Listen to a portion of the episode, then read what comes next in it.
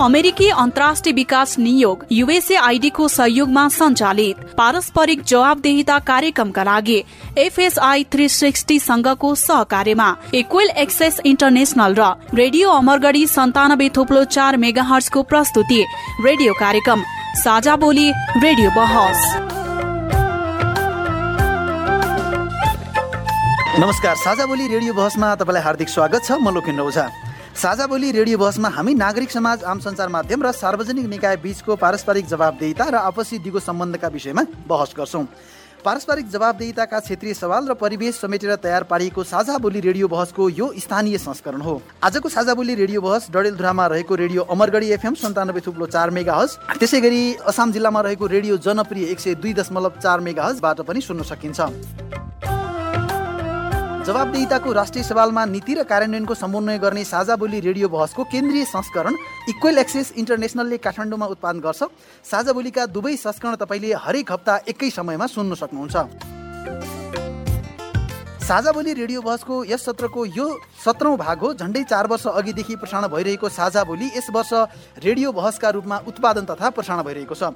साझा बोली रेडियो बहसको आजको भागमा हामी स्वास्थ्य बिमा कार्यक्रमको कार्यान्वयनको जटिलताको सम्बन्धमा बहस गर्छौँ। सबै व्यवस्थापन त हामीले गरेका छौँ तर पर्याप्त मात्रामा त्यो नहोला होइन?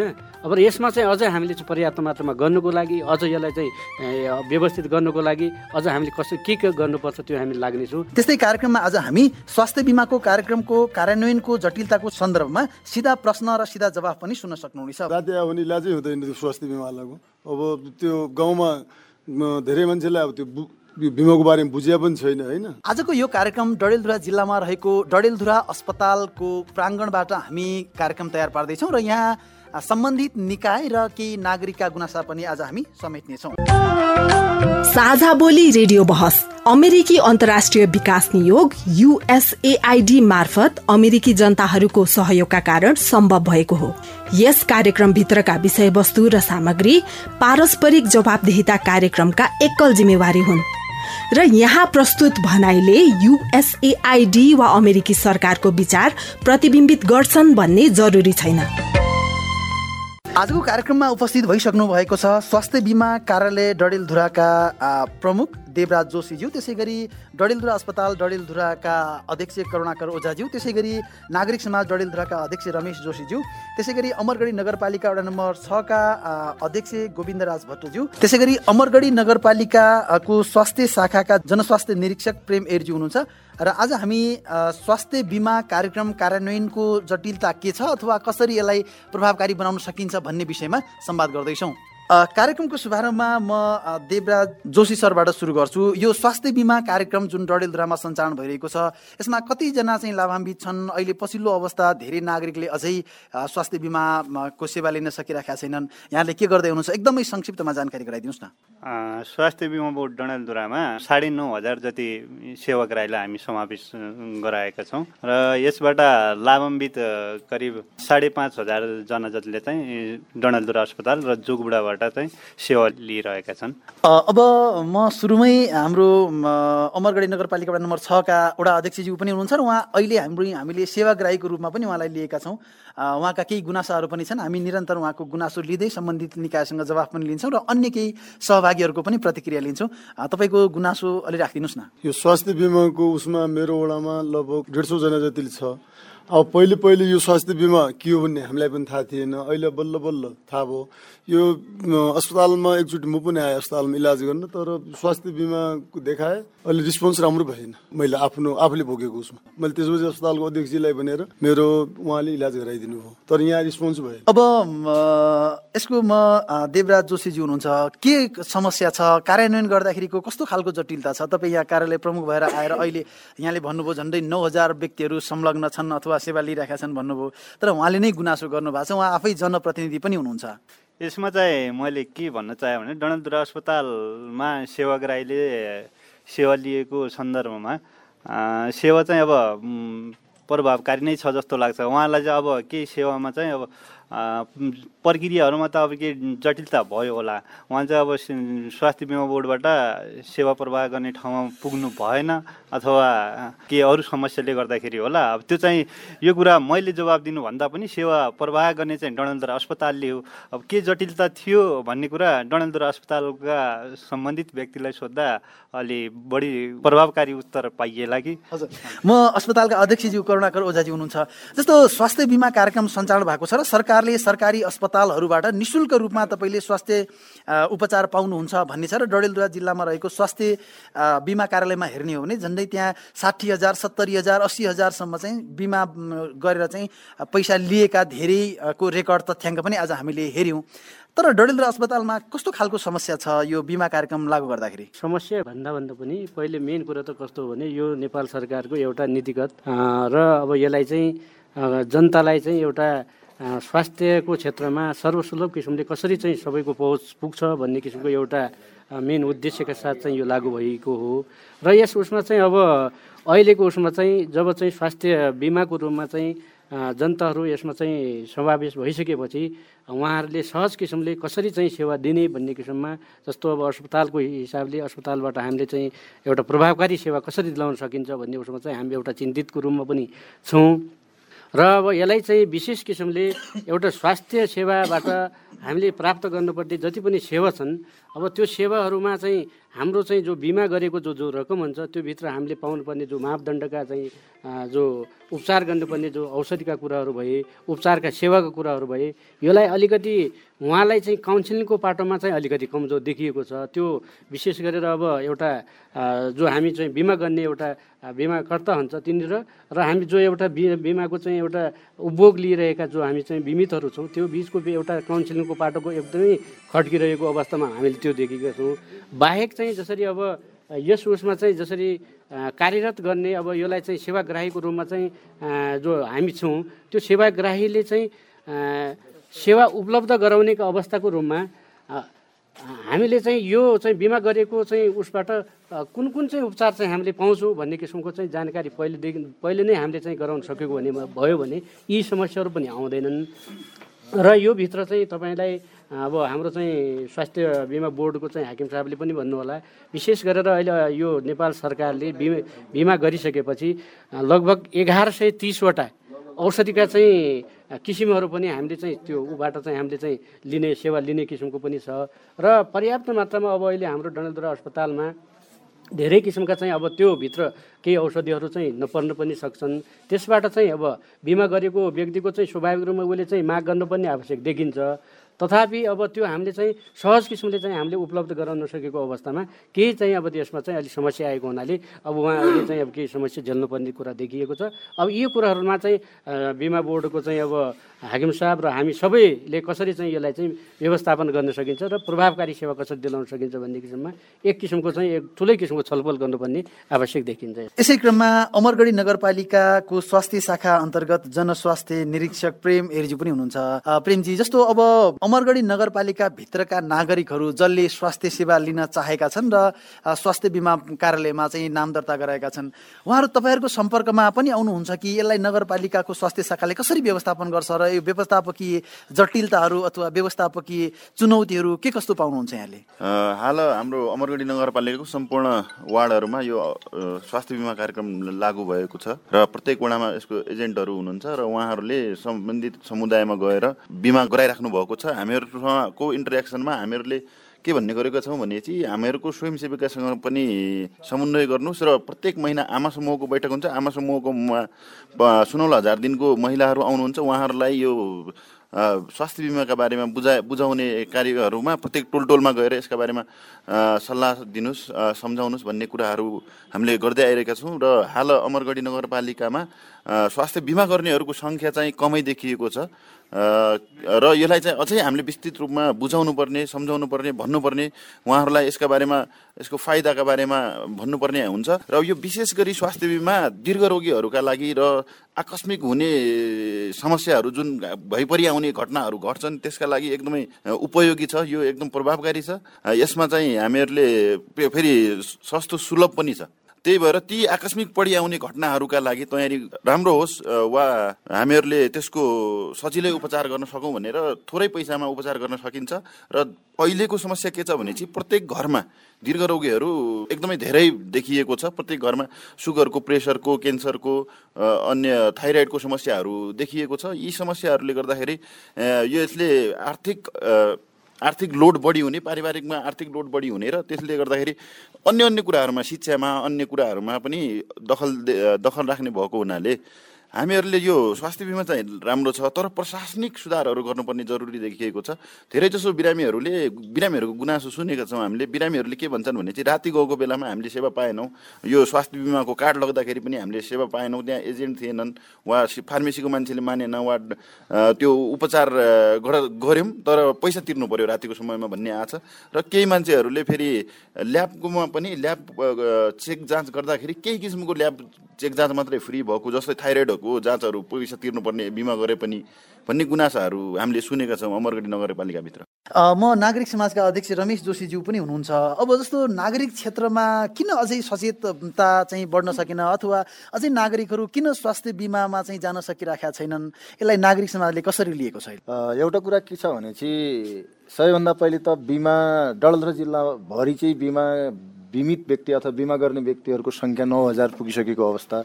अहिले चाहिँ भर्खरै हाकिम साहबले भन्नुभएको छ। अब अर्को कुरा के छ भने चाहिँ सेवा प्रवाही र सेवा दिने संस्था र सेवाग्राहीहरूले सहज सेवा प्राप्त नगरिरहेको अवस्थामा पनि सेवा लिनेहरू यसप्रति चाहिँ धेरै आकर्षण हुने आधार चाहिँ देखिँदैन। खास गरी चाहिँ उसरी स्वास्थ्य बिमा सरकारले जुन उद्देश्यका लागि ल्याइएको हो त्यो उद्देश्य परिपूर्तिका लागि सम्बन्धित निकायहरूले चाहिँ त्यसमा अलिक गम्भीर हुनु जरुरी छ। किनभने चाहिँ स्वास्थ्य बिमा गरिएको अवस्था छ। अब स्वास्थ्य केन्द्रहरूबाट उपचार लिँदाखेरिको अवस्थामा चाहिँ धेरै चाहिँ समस्याहरू भोग्नु परेको आम नागरिकहरूको जनगुनासो हामीलाई आजभन्दा लगभग दुई तिन हप्ता अगाडि पनि हामीले चाहिँ के अरे यहाँ अस्पताल प्रशासन अस्पतालको व्यवस्थापनदेखि लिएर चाहिँ हामी त्यतिखेर चाहिँ हाम्रो नागरिक समाजको टोली पनि कार्यालयमा पनि गएको थियो।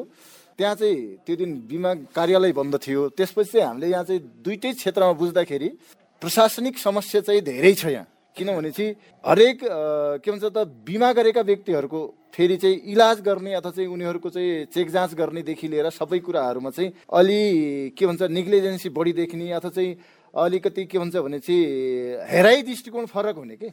अब जो मान्छेले बिमा सुविधा पाउलो भनेर चाहिँ बिमा गरेको हुन्छ आम नागरिकहरूले उसैले चाहिँ बिमा गरिसकेपछि स्वास्थ्य उपचार गर्दाखेरि जालझेलहरूमा पढ्ने अथवा चाहिँ अनावश्यक चाहिँ टर्चरहरू हुने अथवा चाहिँ पाइने सुविधाहरू पनि नपाइने भन्ने कुराहरू जनगुनासोहरू आइसकेपछि मान्छेको आकर्षण बढ्ने कुरा हुँदैन। म एकैछिन फेरि गुनासो पनि लिन्छु। यो स्वास्थ्य बिमा गर्दाखेरि दस प्रतिशत छुट गर्नुपर्छ र त्यो सेवाग्राहीलाई तिर्नुपर्छ फिर्ता दिनुपर्छ कार्यालयले भन्ने छ। प्रावधानमा। यो डडेलधुरा जिल्लामा लागू भएको अवस्था छैन। तपाईँले आफूले बिमा गरे नवीकरण पनि भयो भन्ने कुरा गर्नु पर्यो दस प्रतिशत छुट तपाईँले कार्यालयबाट पाउनु पर्थ्यो। त्यो कुरा तपाईँले पाउनु भयो कि भएन? तपाईँको गुनासो के छ? यसलाई अझै प्रश्न पारिदिनुहोस् तर जुन तपाईँले स्वास्थ्य बिमा भनेर परिवारको गरिरहनु भएको छ सम्पूर्ण स्वास्थ्य उपचार पाउनु भएको छ कि छैन अहिले? मैले त पाएको छैन मैले भनिहालेँ नि त यहाँ राति आयो भने इलाजै हुँदैन त्यो स्वास्थ्य बिमावालाको अब। त्यो गाउँमा धेरै मान्छेलाई अब त्यो यो बिमाको बारेमा बुझिया पनि छैन होइन? धेरै कुरा के हो भने अब यो उहाँ भन्यो नि अहिले उहाँले। स्वास्थ्य बिमावाला यहाँ आयो भने राम्रो हिँड्ने दृष्टि ठिक छैन अस्पताल मेरो आफ्नो विचारमा। म अस्पतालको अध्यक्षज्यूतिर जान्छु। जस्तो डडेलधुरा अस्पताल र स्वास्थ्य बिमा कार्यालय भित्र अथवा यहाँको बिचमा किन समन्वय हुन सकिरहेको छैन? जस्तो बिमा गरिसकेपछि त उसले त सरकारले दिन्छु भनिसकेपछि त दिनु निर्वाध रूपमा दिन पाउनु पर्यो। यहाँको बिचमा समन्वय नभएको हो कि त्यसको चाहिँ सिस्टममा चाहिँ अपडेट नभएको हो कि किन यस्तो खालको समस्या देखिरहेको छ? त्यो चाहिँ जो चाहिँ हाम्रो उहाँ अनपा छका अध्यक्षज्यूले जो गुनासो राख्नुभयो नि अब त्यो एउटै एकदमै तपाईँ तपाईँ राति आइसकेपछि बिहान आएपछि अब अलिकति चाहिँ रिस्पोन्स राम्रो हुँदैन भन्ने किसिमको चाहिँ एकदमै अब त्यसलाई चाहिँ म अब त्यति सहमत चाहिँ हुँदैनौँ होइन। अब विशेष गरेर कुनै उसमा चाहिँ अब केही कुराहरू नमिलेको अवस्थामा त्यो एउटा होला। अब जस्तो अब तपाईँको हाम्रो बिमाको चाहिँ सेवा दिने चाहिँ काउन्टरमा त्यति बेला चाहिँ कर्मचारी नभएको अवस्थामा एक किसिमको चाहिँ अब अलिकति समस्या के रहेको होला त्यो। अब त्यो म स्वीकार्नु पनि त्यसमा चाहिँ स्वीकार्नलाई कुनै अप्ठ्यारो पनि हुँदैन। तर अब राति आएको बेलामा अन्य चाहिँ समयमा आएको बेलामा र अब बिमा गरेको व्यक्ति कोही आयो उपचार गर्न आयो भने त्योप्रति हेर्ने दृष्टिकोण त्योप्रति हेर्ने एउटा रिस्पोन्स गर्ने रिस्पोन्स एकदमै त्यति राम्रो छैन भन्ने किसिममा त्यो होइन। यसलाई चाहिँ हामीले एकदमै पोजिटिभली रूपमा चाहिँ के हेर्नुपर्छ भन्ने यो एकदमै बिमा चाहिँ प्रभावकारी छ। होइन मैले यसलाई यसलाई कसरी हेरेको छु भने यसलाई हन्ड्रेडमा नाइन्टी पर्सेन्ट एकदमै प्रभावकारी रूपमा चाहिँ यसलाई चाहिँ अहिले योले सेवा चाहिँ प्रभावकारी रूपमा दिएको छ। र विशेष गरेर यता कता चाहिँ केही समस्याहरू भएको होला यसमा। समस्याको पाटोमा मैले अघि पनि भने विशेष गरेर यो प्रति चाहिँ अलिकति जनचेतना हामीले जगाउनु पर्ने छ र यसमा चाहिँ सरकारवालाहरूको बिचमा चाहिँ एकदमै हामीले चाहिँ छलफल गरेर यसलाई कसरी अझ चाहिँ अलि एक्टिभ बनाउने र यो प्रति मान्छेको चाहिँ अझ आकर्षक कसरी चाहिँ हामीले गर्ने त्यो एउटा हामीले चाहिँ कार्यक्रममा हामीले तय गर्नुपर्ने आवश्यक देखिन्छ। त्यसै गरी एकजना स्थानीय हुनुहुन्छ म उहाँको प्रतिक्रिया लिन्छु। तपाईँको परिचय? मेरो नाम पदमराज पाण्डे हो म सुगरको पेसेन्ट हुँ। अनि त्यहाँ बिमाको लागि त्यहाँ अस्पतालमा गयो भने मतलब म इन्सुलिन चलाउँछु मेरो इन्सुलिनमा पाँच सय रुपियाँ पर्छ। अनि अस्पतालको त्यहाँभित्र गयो भने बिमाको उसमा गऱ्यो भने यति लापरवाही छ कि त्यो लापरवाही भन्नु नसकिने लापरवाही छ। अनि हामीलाई सुईको कुराहरू सुई दियो अनि इन्सुलिन दियो भन्दा यहाँ छैन। आलटाल गर्ने अनि ढिला सुर्ती गर्ने अस्ति मैले सुगरको चेक गराउँदा सुगरको चेक गराउँदा पहिला मैले रिपोर्ट पाइ पाएन। त्यसपछि म जब तिनीहरूसँग मैले पनि रिसाएर तिनीहरूले बल्ल तल्ल त्यो व्यवहारिक तरिकाले मेरो चाहिँ मतलब त्यो ब्लडको रिपोर्ट आयो। अनि त्यसै प्रकारले त्यहाँ मतलब जो बिमारले पाउनु पर्ने सुविधा प्लस अन्य बिमारीले पाउनु पर्ने सुविधा त्यस्तो म देख्दैन। अब यो बिमा गरेको व्यक्तिलाई चाहिँ अलिकति हस्पिटलले त्यति रेस्पोन्स नगर्ने उपचार पनि गर्नलाई अलिकति हिचकिचाउने होइन?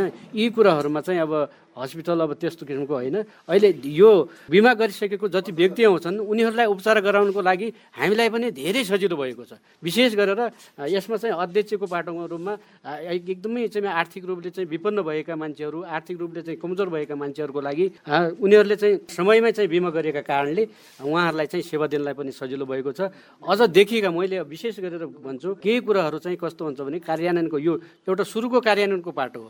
र हामीले अहिले यो यो हस्पिटलमा यो यसलाई कार्यान्वयन गरेको दुई वर्ष लगभग दुई वर्ष हुन लाग्छ अहिले। यो धेरै ठुलो चाहिँ रेटको कुरा पनि होइन। यो उसमा हामीले जति पनि चाहिँ सेवाग्राही आउँछन् उनीहरूलाई सहज किसिमले चाहिँ कसरी चाहिँ हामीले सेवा दिने भन्ने उसमा चाहिँ केही समस्या देखिएका होलान्। अब यो देखिएका समस्याहरूलाई निर्गौल गर्नुको लागि यो सम्पूर्ण सरकारवालाहरूको सबैको एकै एकदमै किसिमको चाहिँ भूमिका हुन्छ। यो भूमिका निर्वाह गर्नुको लागि हामी सबैले लाग्नुपर्छ भन्ने मेरो मान्यता हो।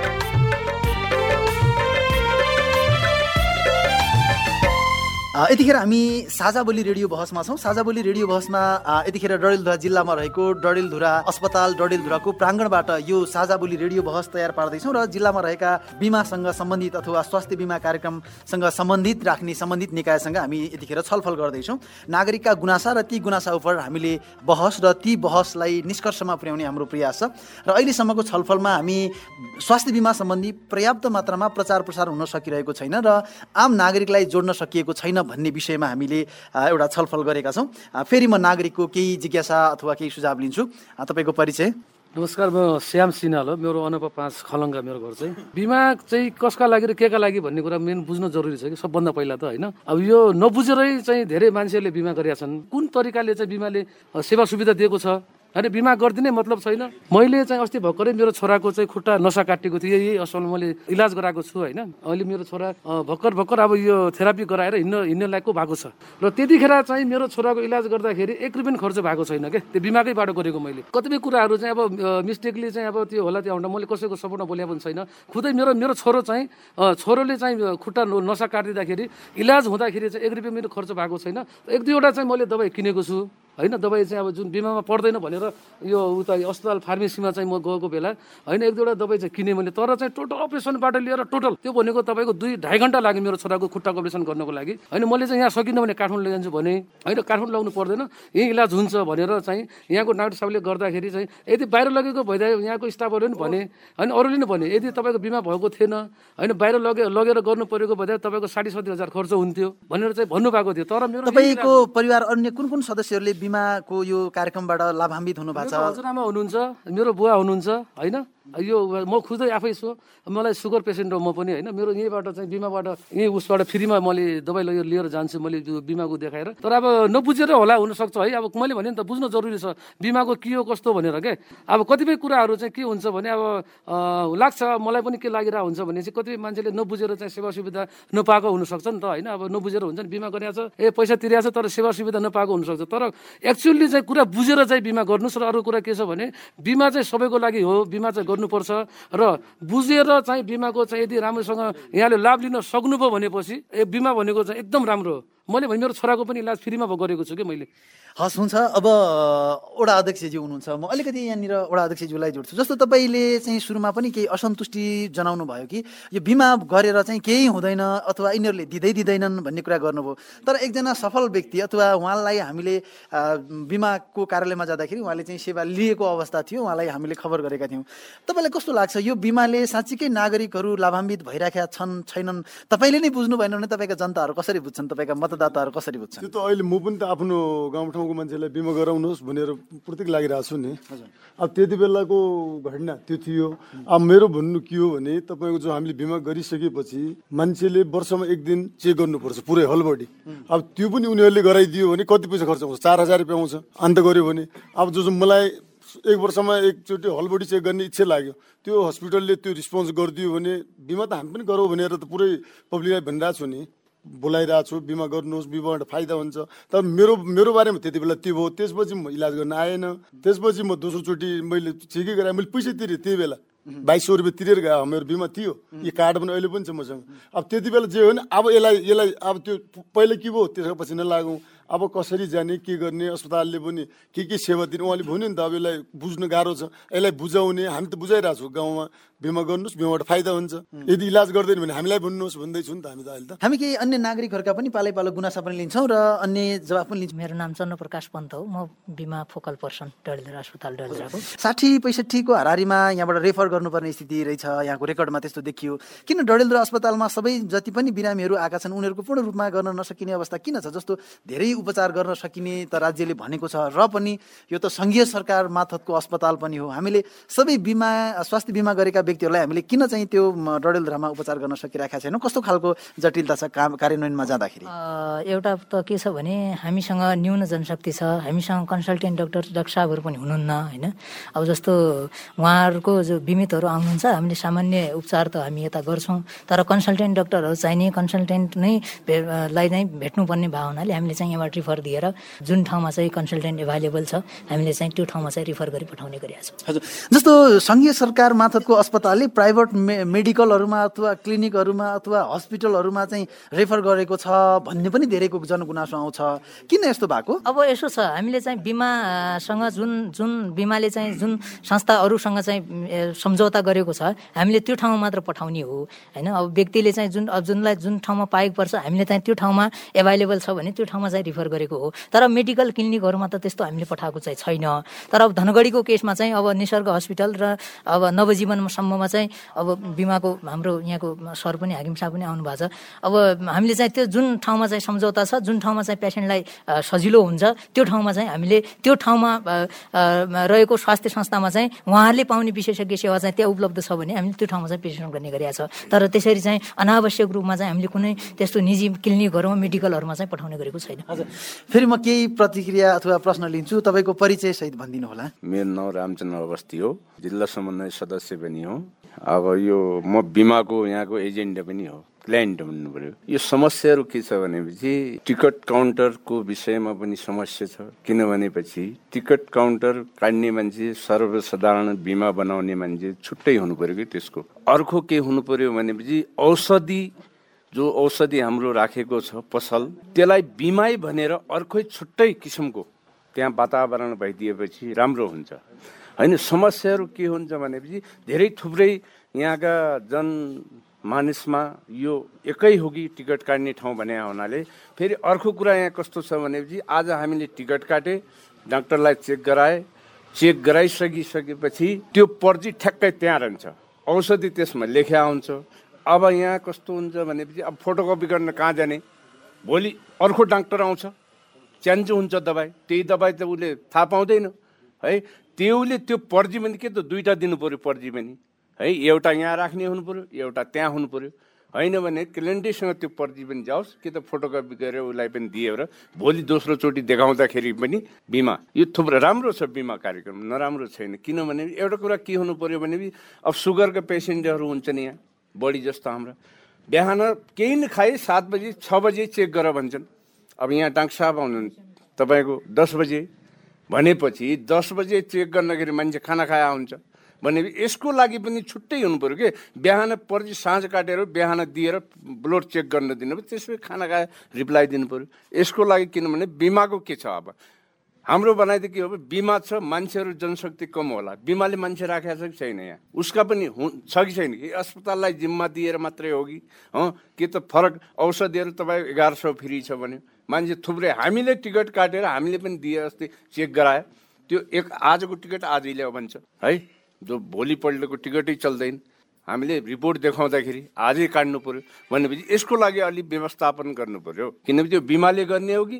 हस्पिटलको जिम्मा दिएर हस्पिटलले गर्ने हो। यसको राम्रो व्यवस्थापन गर्नु। म अलिकति अध्यक्षज्यूबाट यसको जवाफ लिन्छु अनि हाम्रो बिमाको कार्यालय प्रमुख पनि हुनुहुन्छ। यो अहिले काउन्टर अलग्गै व्यवस्थापन त यहाँले इन्टरनल त गर्नु भएको जस्तो पनि देखिन्छ भित्र बिमाको तपाईँले अलग्गै पनि राख्नु भएको छ। तर मैले त्यो पर्चा व्यवस्थापनको कुरा जुन उहाँले भन्नुभएको छ उहाँको प्रश्न अथवा उहाँको जुन सुझाव अथवा जिज्ञासा छ त्यसलाई कसरी व्यवस्थापन गर्न सकिन्छ आगामी दिनमा?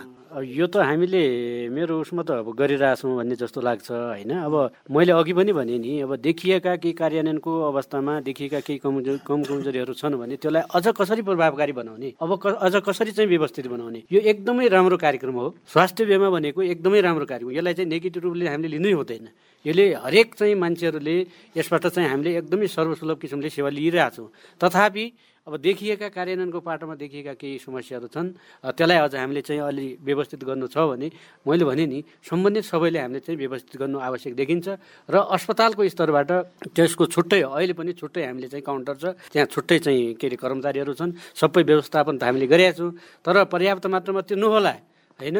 अब यसमा चाहिँ अझ हामीले चाहिँ पर्याप्त मात्रामा गर्नुको लागि अझ यसलाई चाहिँ व्यवस्थित गर्नुको लागि अझ हामीले कसरी के के गर्नुपर्छ त्यो हामी लाग्नेछौँ। विशेष गरेर मैले अघि पनि भने कि यो चाहिँ धेरै लामो समयको यो एउटा कार्यान्वयन होइन। यो एउटा सुरुवातको पिरियडमा गइरहेछ। यो पोहोर साल चाहिँ पोहोर साल चाहिँ हामीले चाहिँ यहाँ हस्पिटलमा लागू गर्ने अवस्थामा लगभग तपाईँको यसको सेवाग्राही भनेको फिफ्टी पर्सेन्ट मात्रै थियो।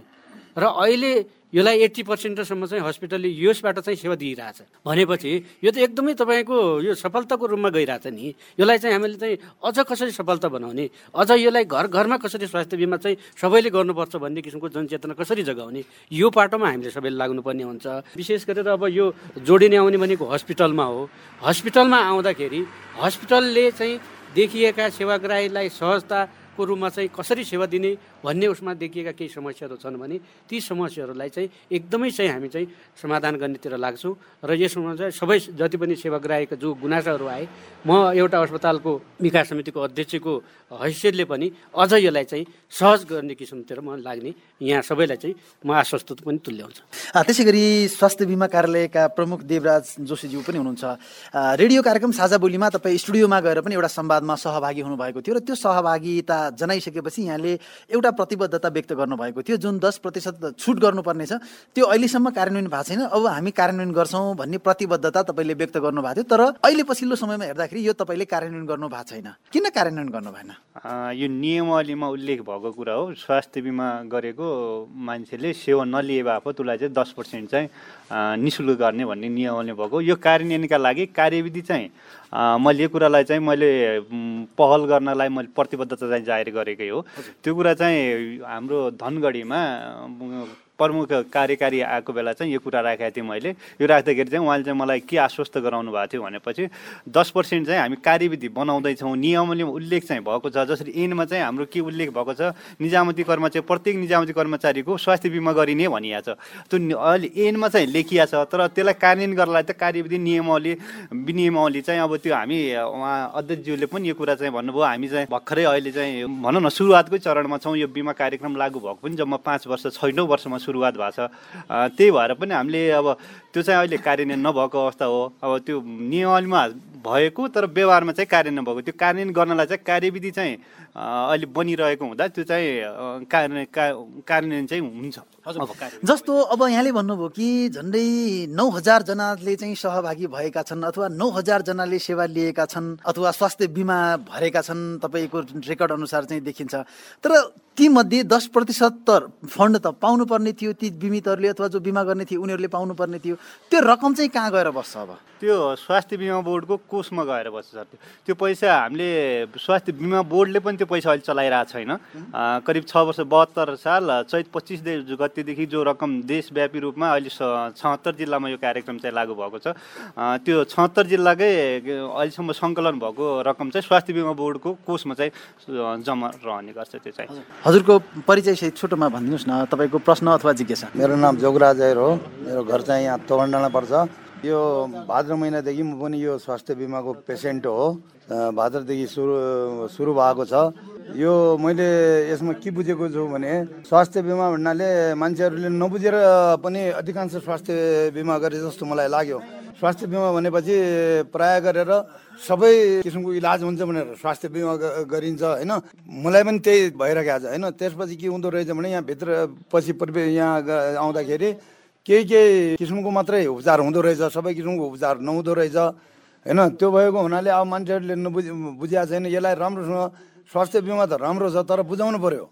यो स्वास्थ्य बिमा बनाउने मान्छेले राम्रोसँग बुझाएर बनाउनु पर्यो। यति किसिमको बिमारको यो उपचार हुन्छ यो यति घर परिवारको यतिजनाको हुन्छ भनेर राम्रोसँग बुझाएर चाहिँ बिमा गराउनु पर्यो। र अन्य कुरा अरू के देखिएको छ भने यो दबाई पनि दबाई कति किसिमको मात्र यहाँ पाउँदो रहेछ अरू चाहिँ त्यो बिमाभित्र नपढेको दबाई नपाउँदो रहेछ। त्यो नपाएको दबाई पनि त्यसको बिल लिएर त उसले पाउनुपर्ने दबाई त अन्तबाट किनेर लिएर पनि पैसा त पाउनु पऱ्यो नि यहाँ। त्यो पैसा यहाँ नपाउँदो रहेछ। यहाँ दबाई छैन भने होइन भगाइदिने। अलि लापरवाही जस्तो पनि देखेँ। कस्तो लापरवाही भने बिमाको मान्छे आयो भने हेलचक्राइ चाहिँ यहाँ अलिकति हेलचक्राइ भयो भएको पनि देखिएको छ। त्यो फ्रीमा दबाई लैजाने हो भने जस्तो गरेर अलिकति दिनेवालाले पनि त्यस्तै गर्ने होइन? अब त्यो डाक्टर पनि कहाँ खोजेर त्यो पटक पटक लेखाउनु पर्ने के गर्नुपर्ने? अब अलि त्यो चाहिँ झन्झट छ। यसलाई व्यापक छलफल गरेर यसलाई सुधार बिमा चाहिँ ठिक छ यसलाई सुधारमुखतिर लैजानुपर्छ। हस् म प्रेमजीबाट यसको चाहिँ जवाफ लिन्छु। तपाईँ अमरगढी नगरपालिकाको स्वास्थ्य शाखाबाट प्रतिनिधित्व गरिरहनु भएको छ।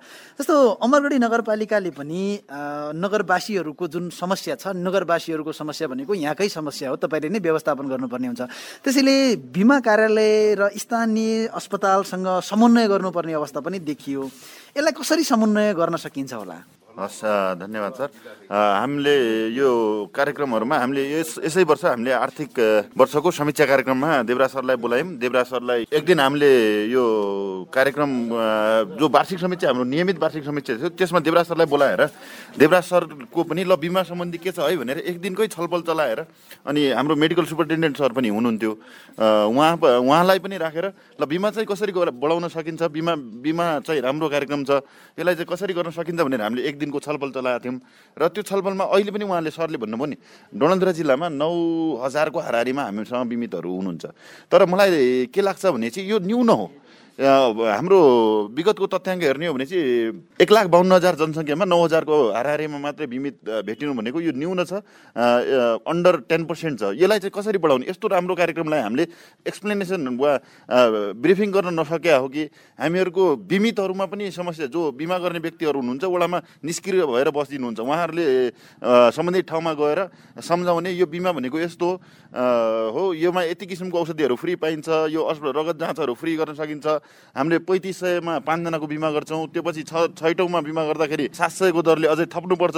यस्ता यस्ता सामान्य सामान्य कुराहरू पनि नसम्झाइकन बिमा गर्नुहोस्। र तपाईँले नि शुल्क उप स्वास्थ्य उपचार पाउनुहुन्छ भनेर यो अलिक कन्फ्युज भएको भ्रमित जनताहरू भ्रमित भएको भन्ने कुराहरू छ। हामीले एक दिनको छलफल चलाएको छौँ यसलाई कसरी सुधार गर्ने भन्ने बारेमा हामीले छलफल गरेका थियौँ। अहिलेको यो स्वास्थ्य क्षेत्र भनेको एकदमै महँगीको छ। यसको उपचारमा सामान्य निमोनियाको उपचारमा पच्चिस सय तिन हजार पाँच हजार दस हजार खर्च गरिरहेछन्। त्योमा एक वर्षका लागि पैँतिस सय तपाईँले तिर्नुहुन्छ भनेपछि पाँचजनासम्मको बिमा गर्न सक्नुहुन्छ। योले चाहिँ तपाईँहरूले एक लाखसम्मको एक परिवारले एक लाखसम्मको उपचार पाउने नि शुल्क उपचार पाउने भन्ने जुन छ योले चाहिँ आर्थिक लोड एकदमै न्यून हुन्छ र जो दीर्घ रोगीहरू छन् उहाँहरूले अनिवार्य यो बिमा गर्ने बिमा चाहिँ कुनै परिवारमा दीर्घ रोगीहरू छन् भने चाहिँ उहाँहरूको लागि एकदमै उपयोगी छ। बिमाका बारेमा हामीले छलफल गरिसकेपछि उहाँले भन्नुभयो ल हामी यो एजेन्टहरूलाई एक्टिभ गराउँछौँ। कस्तो ट्रान्जेक्सन त्यो तुलना गर्दाखेरि के देखियो भने चाहिँ वडा नम्बर तिनको बिमा गर्ने व्यक्तिले आठ सय बिमा गरेछ अ, वडा नम्बर त्यसैको एघारको बिमा गर्ने व्यक्ति व्यक्तिले पचास गरेछ। त्यो त मान्छेमा पनि त फरक पर्दो रहेछ। बिमित बे- बे- ले इनएक्टिभ भयो भने चाहिँ चेन्ज गर्नुपर्छ है।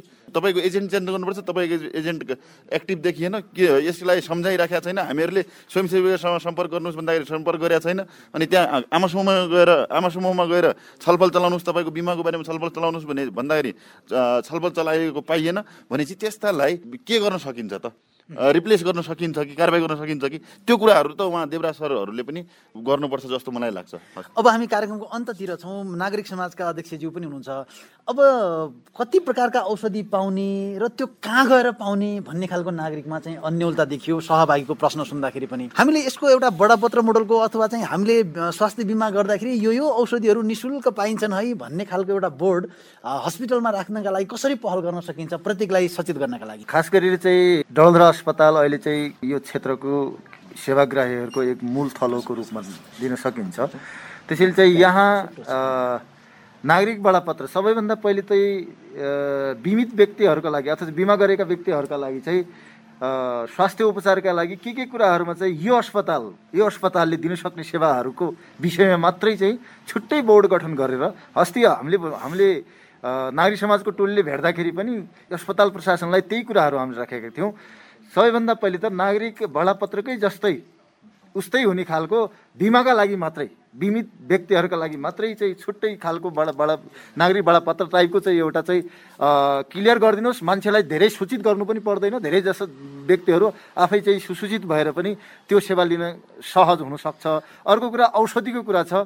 औषधि यता अब एघार सौ कति तिसवटा औषधि चाहिँ पाइन्छ भन्ने कुराहरू छ। अब एघार सौ तिसवटा सबैको किन भए पनि सूची चाहिँ टाँस्न गाह्रो हुनसक्ने स्थितिमा पनि अब यो अस्पतालले दिन सक्ने औषधिहरू यो यो औषधिहरू बिमाभित्र परेका औषधिहरू हाम्रो यहाँ अभाइलेबल छन् भन्ने आधारहरू देखाउन सक्ने कुराहरू पनि धेरै सूचनाहरू दिन सकिने आधार चाहिँ छ। म एकदम छोटोमा यसको जवाब चाहिँ अध्यक्षज्यूबाट लिन्छु। जस्तो बिमा का गरेका नागरिकहरूले यति औषधिहरू पाउँछन् भन्ने सामान्य बोर्ड चाहिँ लेखेर राख्न सक्ने हामीसँग रिसोर्स अथवा त्यस्तो स्रोत रहने र हामी राख्न सक्छौँ कि सक्दैनौँ? अब हामीले चाहिँ अस्पतालले चाहिँ औषधि चाहिँ एभाइलेबल गर्ने अवस्थामा जति पनि चाहिँ औषधिहरू हामीले चाहिँ फार्मेसीमा हामीले चाहिँ राख्छौँ त्यो औषधि चाहिँ हाम्रो चाहिँ एउटा सरकारी मापदण्ड अनुसार चाहिँ हामीले चाहिँ एउटा टेन्डर प्रक्रियाबाट ल्याउने प्रक्रिया ऊ हुन्छ। र यी कुराहरूमा चाहिँ हामीले चाहिँ मिलाउने अवस्थामा जस्तो तपाईँले नागरिक बडापत्रमा हामीले चाहिँ स्वास्थ्य बिमित गरेका जो स्वास्थ्य सेवा बिमा गरेका जो व्यक्तिहरूलाई दिने जो औषधि छ त्यो औषधिहरू एक्चुअल रूपमा त्यसमा राख्न केही समस्या त होला। होइन यता यता त्यो कुराहरूलाई समस्याहरूलाई समाधान गर्ने अव- अवस्थामा पनि जति पनि हामीसँग चाहिँ उपलब्ध हुन्छ त्यो राख्नमा त केही गाह्रो हुँदैन। टोटली रूममा चाहिँ हाम्रो चाहिँ अब टेन्डर प्रक्रियाबाट चाहिँ खर के अरे औषधि खरिद गर्ने भयो भन्नाले यो धेरै कुराहरू अलिकति जटिल चाहिँ हुन्छ। अब जटिलको अवस्थामा पनि हामी त्यो समाधान गरेर केही त्यो उसमा चाहिँ व्यवस्थापन गर्नेतिर हामी लाग्छ। स्वास्थ्य बिमा कार्यालयका प्रमुख देवराजी हुनुहुन्छ। यो संवादको निष्कर्षमा पुग्ने हो भने बिमा गरेका व्यक्तिहरूले यो यो औषधि पाउँछन् भन्ने एउटा बोर्ड हामीले सम्बन्धित यो हस्पिटलमा राख्ने हो भने आजको संवादको एउटा उपलब्धि हुन्छ। त्यसको लागि यहाँले अब अस्पतालसँग कसरी समन्वय गर्नुहुन्छ त? त्यो सेवा पाउने औषधिको सूचीको सम्बन्धमा भन्नुपर्दा त्यो औषधि चाहिँ फार्मेसीमा चाहिँ त्यो पहिला चाहिँ टेन्डर प्रक्रियामा जस्तो अध्यक्षज्यूले भन्नुभयो खरिदेनबाट यो चाहिँ आउने भएकोले तिन महिनाभन्दा बढी चाहिँ औषधि चाहिँ लिन नपाउने व्यवस्था चाहिँ हुन्छ यो। मैले त्यतातिर भन्दा पनि मैले मैले के भन्न खोजेको भने स्वास्थ्य बिमा गरेपछि यति प्रकारका औषधि पाउँछन् भन्ने एउटा होर्डिङ बोर्ड मात्रै भयो भने पनि त्यहाँ हेरेर मैले यो यो औषधि पाउनु पर्थ्यो तर यहाँ हस्पिटलले पायो कि पाएन दियो कि दिएन भन्ने त नागरिकहरूले थाहा पाउँथ्यो नि। यसमा चाहिँ के छ भने त्यो औषधिको नाम लेख्दाखेरि चाहिँ त्यो सेवाग्राही चाहिँ कन्फ्युजन चाहिँ झन् हुने समस्या चाहिँ आउँछ जस्तो मलाई त्यस्तो हो? कन्फ्युजन भन्दा पनि यो एघार सय एराउन्डमा हाम्रो औषधिहरू छ होइन? लगभग चाहिने दीर्घ रोगीहरूलाई चाहिने अनि अन्य कुराहरूलाई चाहिने पर्याप्त औषधिहरू यसमा राखिएको छ र पाउनुपर्छ। धेरैजसो औषधिहरू यहाँ मिल्ने औषधिहरू पाइनुपर्छ। र अहिले चाहिँ के व्यवस्था गरिएको रहेछ भन्दाखेरि हाम्रो अस्पताल फार्मेसीमा मात्रै यो बिमितहरूको औषधि पाइँदो रहेछ। योभन्दा अगाडि साझामा पनि पाइन्थ्यो। साझामा साझा र दुइटैमा बनायो बनायो भने चाहिँ अझै सजिलो हुने थियो कि जस्तो लाग्छ मलाई। के पोलिसीले नमिल्ने हो कि देवराज सरलाई थाहा होला त्यो उहाँ हाम्रो अध्यक्षज्यूलाई थाहा होला। न दुइटै म अलि यो अस्पतालमा यो बिमाको क्षेत्रमा मात्रै कार्यरत हुनुहुन्छ एकजना सर उहाँसँग नि छोटोमा लिन्छु।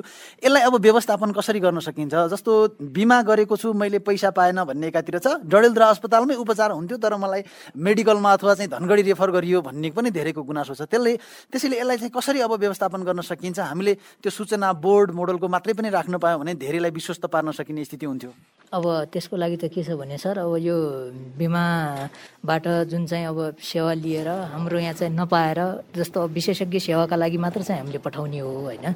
हामीसँग चाहिँ यहाँ एभाइलेबल भएको बिमाले पनि बिमा बोर्डले पनि के भन्छ भने हामीसँग जो सम्झौता हामीले बिमा बोर्डसँग गरेका छौँ त्यो सम्झौतामा के भनिएको छ भने हामीसँग एभाइलेबल भएको सुविधा मात्रै हामीले दिने हो। हामी बाहिरको हामीसँग नभएको सुविधा हामी चाहिँ दिन बाध्य हुँदैनौँ। होइन नागरिकलाई तपाईँसँग यो सुविधा छ भन्ने चाहिँ कसरी पत्ता लाग्छ? कसरी जान्ने जान नागरिकले? तपाईँले कमसेकम एउटा बोर्ड एउटा सूचना पार्टीमा यतिवटा औषधि पाउँछन् भनेर कम्प्युटरमा टाइप गरेर प्रिन्ट आउट गरेर चिप्काइदिए पनि कमसेकम बुझ्छन् नि। त्यो त त्यो त सम्भव छैन। हाम्रो यता किन सम्भव छैन प्रेमजी त्यो सम्भव हुँदैन? एकदमै सम्भव छ र ना नागरिकहरूले योमा बुझ्न सकिन्छ।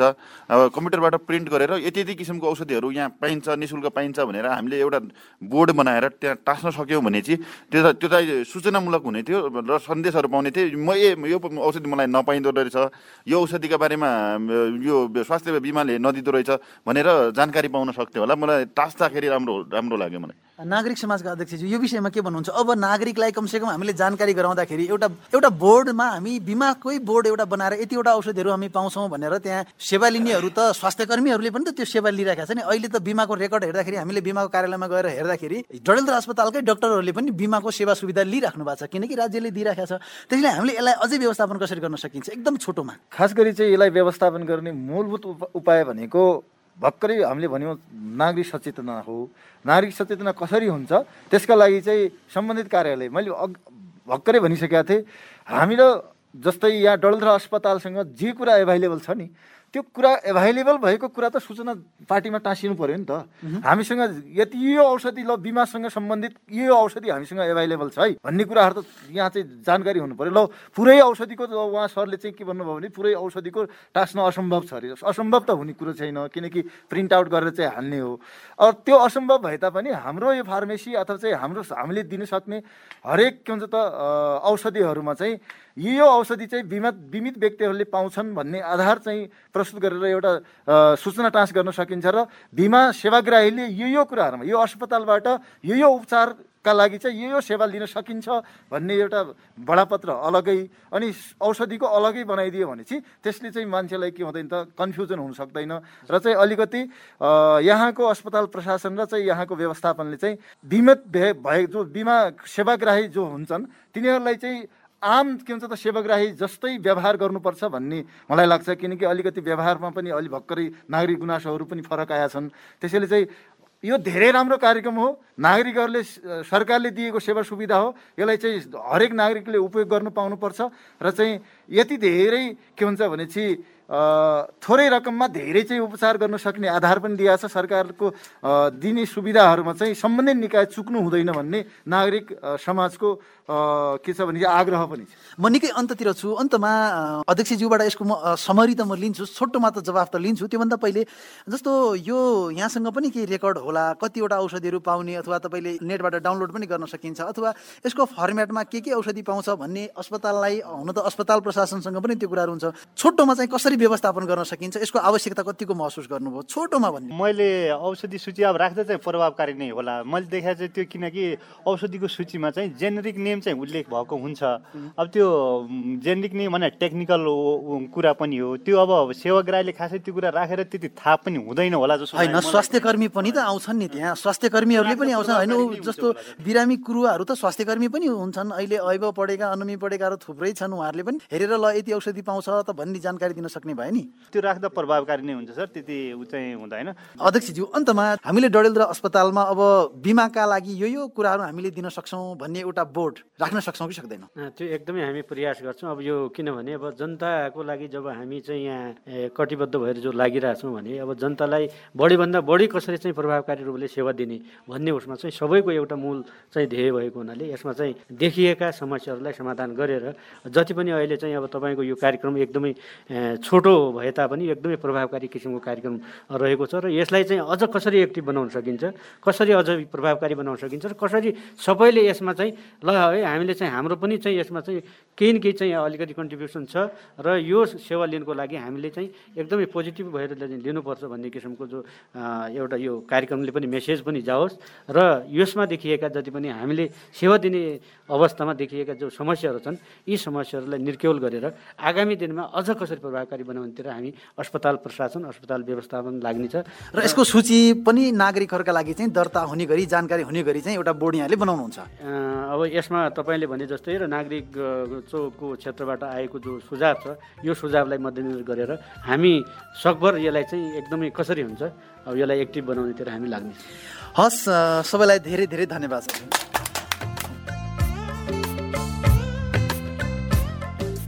आजको कार्यक्रमका अतिथि हुनुहुन्थ्यो अमरगढी नगरपालिका स्वास्थ्य शाखाका जनस्वास्थ्य निरीक्षक प्रेम हेर स्वास्थ्य बिमा कार्यालय डडेलधुराका प्रमुख देवराज जोशी नागरिक समाज डडेलधुराका अध्यक्ष रमेश प्रसाद जोशी र डडेलधुरा अस्पताल डडेलधुराका अध्यक्ष करुणाकर ओझा साझा बोली रेडियो बहस डडेलधुरामा रहेको रेडियो अमरगढी एफएम सन्तानब्बे थुप्लो चार मेगाहजले उत्पादन गरेको छ। यो कार्यक्रम डोटी जिल्लामा रहेको त्रिवेणी एफएम चौरानब्बे दशमलव चार मेगाहज असाम जिल्लामा रहेको रेडियो जनप्रिय एक सय दुई दशमलव चार मेगाहज र बैतडी जिल्लामा रहेको निङ्ला सैनी एफएम चौरानब्बे मेगाहजबाट पनि सुन्न सकिन्छ। हामी साझा बोली रेडियो बहसको अन्तमा आइपुगेका छौँ। साझा बोली रेडियो बहस बारे मनका कुरा भन्नको लागि एनटिसीको मोबाइल वा ल्यान्डलाइन फोन प्रयोग गर्नुहुन्छ भने सोह्र साठी शून्य एक शून्य शून्य चार पाँच नौमा फोन गर्न सक्नुहुन्छ। एनसेल प्रयोग गर्नुहुन्छ भने अन्ठानब्बे शून्य पन्ध्र एकहत्तर शून्य दुई नौमा फोन गर्नुहोला। यी नम्बरमा फोन गरेको पैसा लाग्दैन। र प्राप्त निर्देशन अनुसार प्रश्न सोध्न सकिन्छ। पारस्परिक जवाबदेहिता बारे आफूले देखे सुने या भोगेका कुरा लेख मार्फत व्यक्त गर्न चाहनुहुन्छ वा अरूका लेखहरू पढ्न चाहनुहुन्छ भने डब्लु डट मेरो रिपोर्ट डट नेटमा लगइन गर्न सक्नुहुन्छ। साझा बोली रेडियो बहस तपाईँले मेरो रिपोर्ट वेबसाइट पोडकास्ट च्यानल सामाजिक सञ्जाल तथा अमरगढी अनलाइन टिभीबाट पनि सुन्न सक्नुहुन्छ। यतिन्जेलसम्म ध्यान दिएर कार्यक्रम सुन्नु भएकोमा तपाईँलाई धेरै धेरै धन्यवाद। आगामी हप्ता पनि आजको जस्तै समसामयिक सार्वजनिक जवाबदेहिताको अर्को विषयमा खरो छलफल ल्याएर हामी आउने नै छौँ। सुन्न नबिर्सिनुहोला। आजको कार्यक्रमबाट प्राविधिक साथी तर्कराज भट्टसँगै म लोकेन्द्र ओझा पनि बिदा हुन्छु। हवस् त नमस्कार।